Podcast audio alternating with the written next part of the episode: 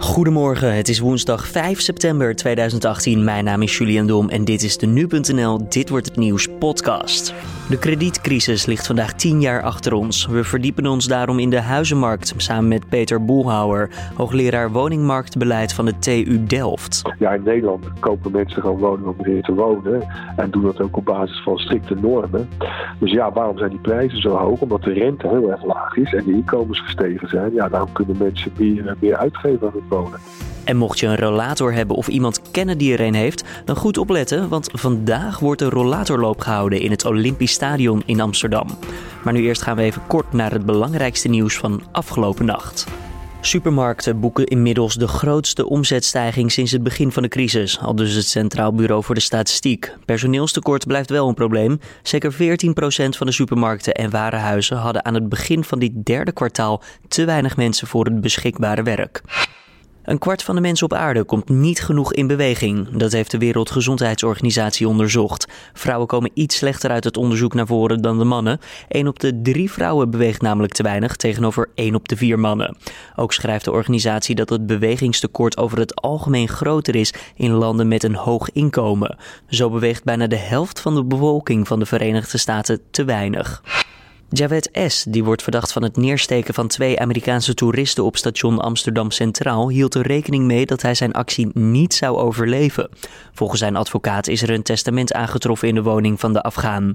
S voelde zich diep beledigd over de uitgeschreven cartoonwedstrijd van Geert Wilders. Daarin werd opgeroepen om spotprenten van de profeet Mohammed toe te sturen. De Afghaan lijkt niet te hebben geweten dat Wilders de wedstrijd de dag voor de steekpartij al had afgeblazen. Dan kijken we naar de nieuwsagenda van deze woensdag 5 september, oftewel dit wordt het nieuws. Het begin van de kredietcrisis ligt inmiddels 10 jaar achter ons. De woningmarkt draait in de Randstad al enkele jaren weer als een zonnetje. Maar buiten deze regio liggen veel prijzen nog onder het niveau van 2008. Dat schrijft het Centraal Bureau voor de Statistiek.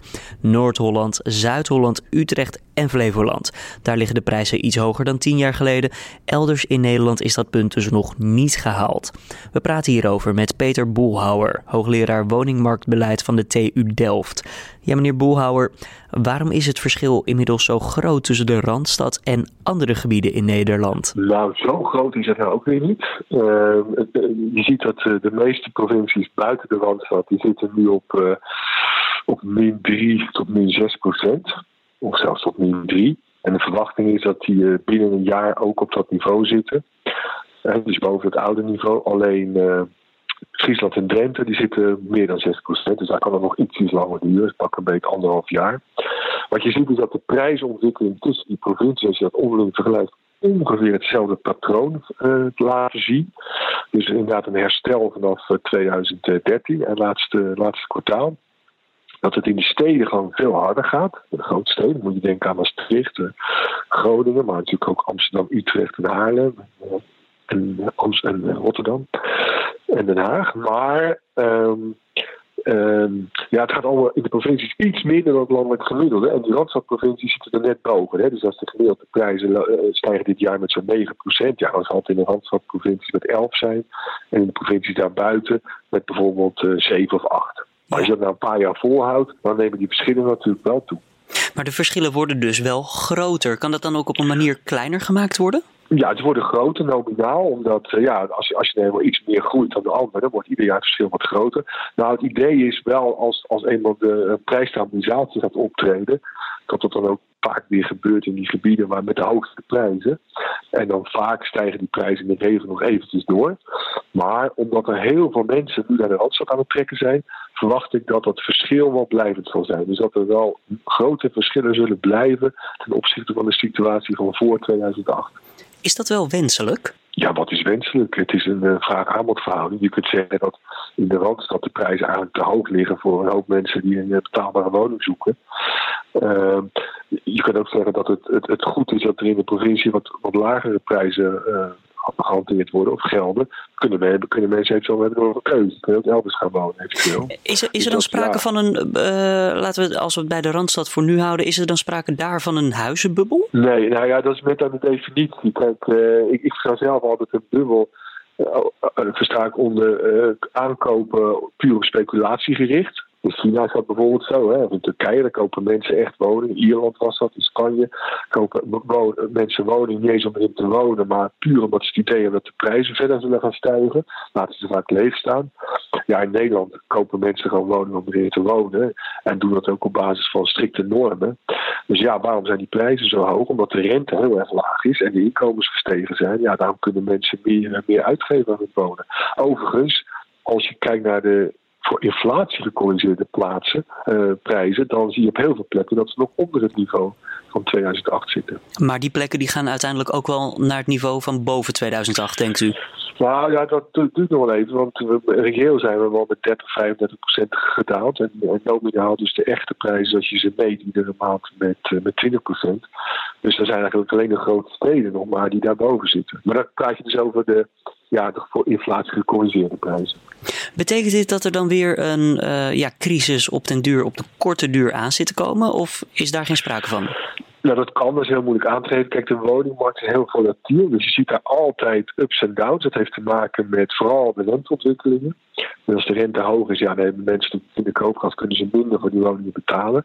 En het feit dat we eigenlijk continu te weinig woningen hebben op veel plekken. Dus ja, je voegt wel woningen toe, maar dat heeft nauwelijks effect op de prijzen.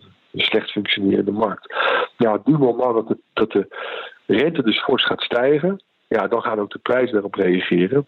Nu is de verwachting, er is ook wel onderzoek uh, uitgevoerd recent, dat je zo'n prijs, zo'n rentestijging van pak een beetje 2, 3 procent wel kunt hebben. Omdat ook de inkomen stijgen. Dus de leencapaciteit gaat de komende tijd weer oplopen.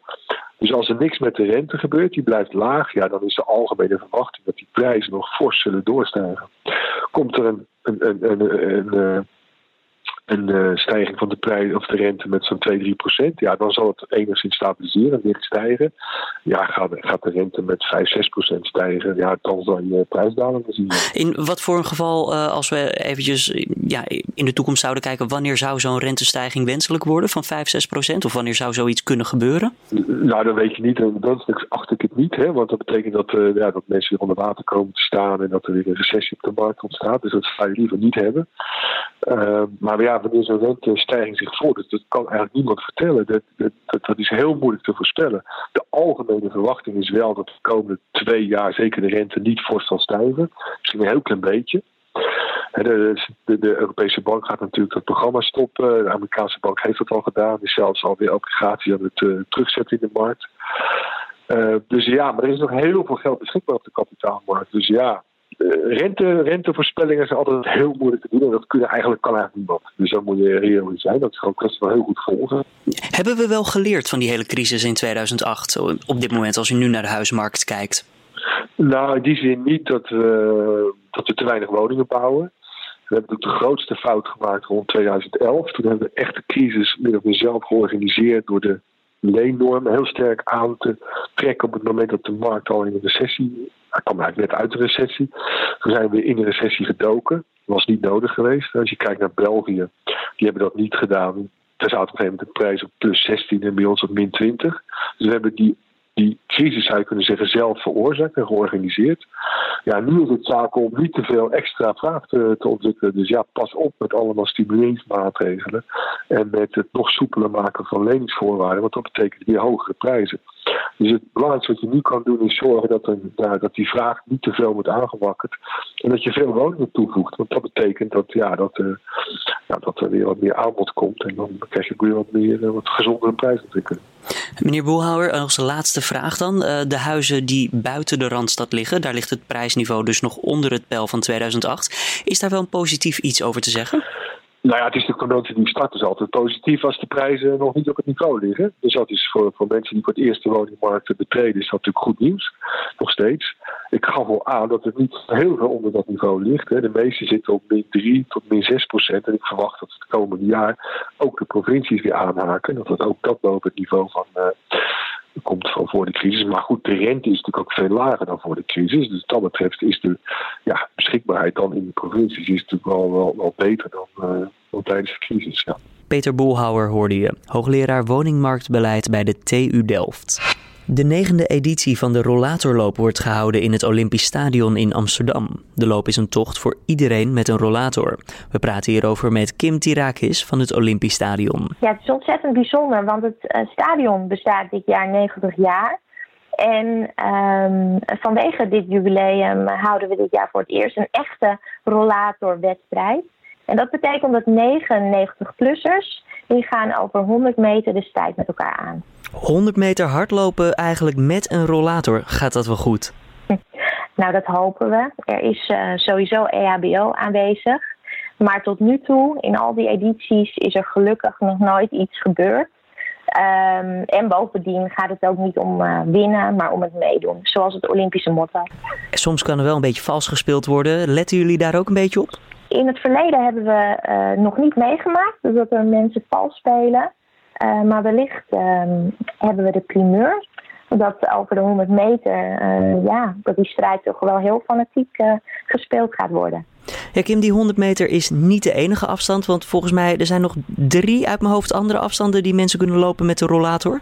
Ja, dat klopt. Uh, dat gaat om 400, 1000 of de 2500 meter. Als ik soms wel eens bij het stoplicht sta te wachten en er steekt iemand over met een rollator, dan lijkt het soms een beetje een eeuwigheid te duren. Uh, no offense, maar hoe lang duurt 2500 meter dan wel niet? Uh, ja, dat is uh, vorig jaar is die 2500 meter gelopen um, in 20 minuten ongeveer. Uh, laten we zeggen dat uh, tussen de 20 en 25 minuten um, dat dat um, te doen is. Voor iemand die nog best goed ter been is. Jullie halen mensen ook overal vandaan. Komen ze dan uit bijvoorbeeld uh, bejaardentehuizen of komen ze gewoon lekker uit de buurt hier naartoe? Of wellicht wel uit Maastricht bij wijze van spreken? Ja, dat is heel verschillend. Gisteren had ik nog een groep aan de lijn die kwamen uit Leiden. Uh, maar er zijn natuurlijk ook heel veel Amsterdamse deelnemers. En um, ja, er melden zich ook wandelclubs aan. En natuurlijk ook groepen van bejaardentehuizen.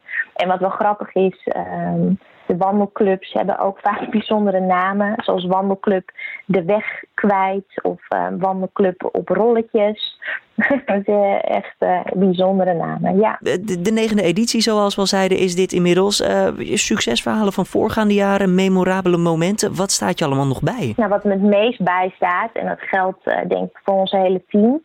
is dat het gewoon ontzettend bijzonder is en vaak zelfs emotioneel... Um, hoe blij en gelukkig mensen zijn als ze over die streep komen. Um, zo ontzettend gelukkig met hun gouden medaille uh, die ze krijgen. En um, ja, uh, je ziet gewoon uh, dat trotse gevoel dat ze hebben. daarnaast ja, hebben we sowieso altijd wel markante deelnemers die een bijzonder verhaal hebben. Of die een ziekte overwonnen hebben. en er zijn ook altijd wel uh, bijzondere activiteiten. Zo worden we al uh, een paar jaar muzikaal ondersteund door de fietsfanfare. Um, vorig jaar was Nelly Koman um, die, de, die het startschot verrichtte. En uh, dit jaar wordt het Olympisch vuur ontstoken door een 71-jarige wereldkampioen powerliften. Kim Tirakis was dat van het Olympisch Stadion. Mocht je nou zelf mee willen lopen, inschrijven is vandaag nog gewoon aan de deur van het stadion mogelijk. Van 8 tot 12 deze ochtend zullen politiemensen actie voeren in Amsterdam. Agenten zullen mensen die de stad binnenkomen, met de auto of met de trein, wijzen op spandoeken. De politie staakt zo voor een betere CAO. Mensen die naar Amsterdam moeten, zullen daarom rekening moeten houden met mogelijk extra reistijd. Minister Stef Blok van Buitenlandse Zaken wacht een zwaar debat in de Tweede Kamer. Blok moet de Kamer overtuigen dat hij nog zijn functie kan uitoefenen na zijn omstreden uitspraken afgelopen zomer over de multiculturele samenleving en Suriname. Noem mij een voorbeeld van een multi-etnische of multiculturele samenleving waar de oorspronkelijke bevolking nog woont en waar een vreedzaam samenlevingsverband is. Ik ken hem niet. Blok heeft inmiddels zijn woorden teruggenomen en erkent dat hij die ongelukkig en onzorgvuldig heeft gekozen. Premier Mark Rutte zei eerder al dat de minister wat hem betreft gewoon kan aanblijven. Ook de coalitiepartijen steunen hem. Dan kijken we nog even naar het mediaoverzicht voor deze woensdag 5 september. Het kabinet steunt het experiment van zorgverzekeraar Mensis, waarbij de behandeling van depressie deels vergoed wordt naar behaald resultaat. Dat schrijft Trouw. Bij hart- en knieoperaties belonen verzekeraars ziekenhuizen al op basis van kwaliteit. Dat moet nu dus ook gebeuren bij behandeling van depressie. Het Openbaar Ministerie kan sinds 2008 boetes en taakstraffen opleggen bij verkeersdelicten, mishandelingen en winkeldiefstallen. Ze deed dit in 2014 zo'n 350.000 keer. Bij de Raad voor de Rechtspraak, de organisatie van de rechterlijke macht, klinkt echter kritiek, dat schrijft het AD. Rechters zijn bezorgd dat bij deze zaken de waarheidsvinding onder druk komt te staan. In veel zaken is er te weinig bewijs om iemand een straf op te leggen, zeggen de onderzoekers. Als verdachten vervolgens bezwaar maken en rechters alsnog een oordeel vellen, komen zij regelmatig tot vrijspraak of een lagere straf. Dan nog even het weer voor deze woensdag.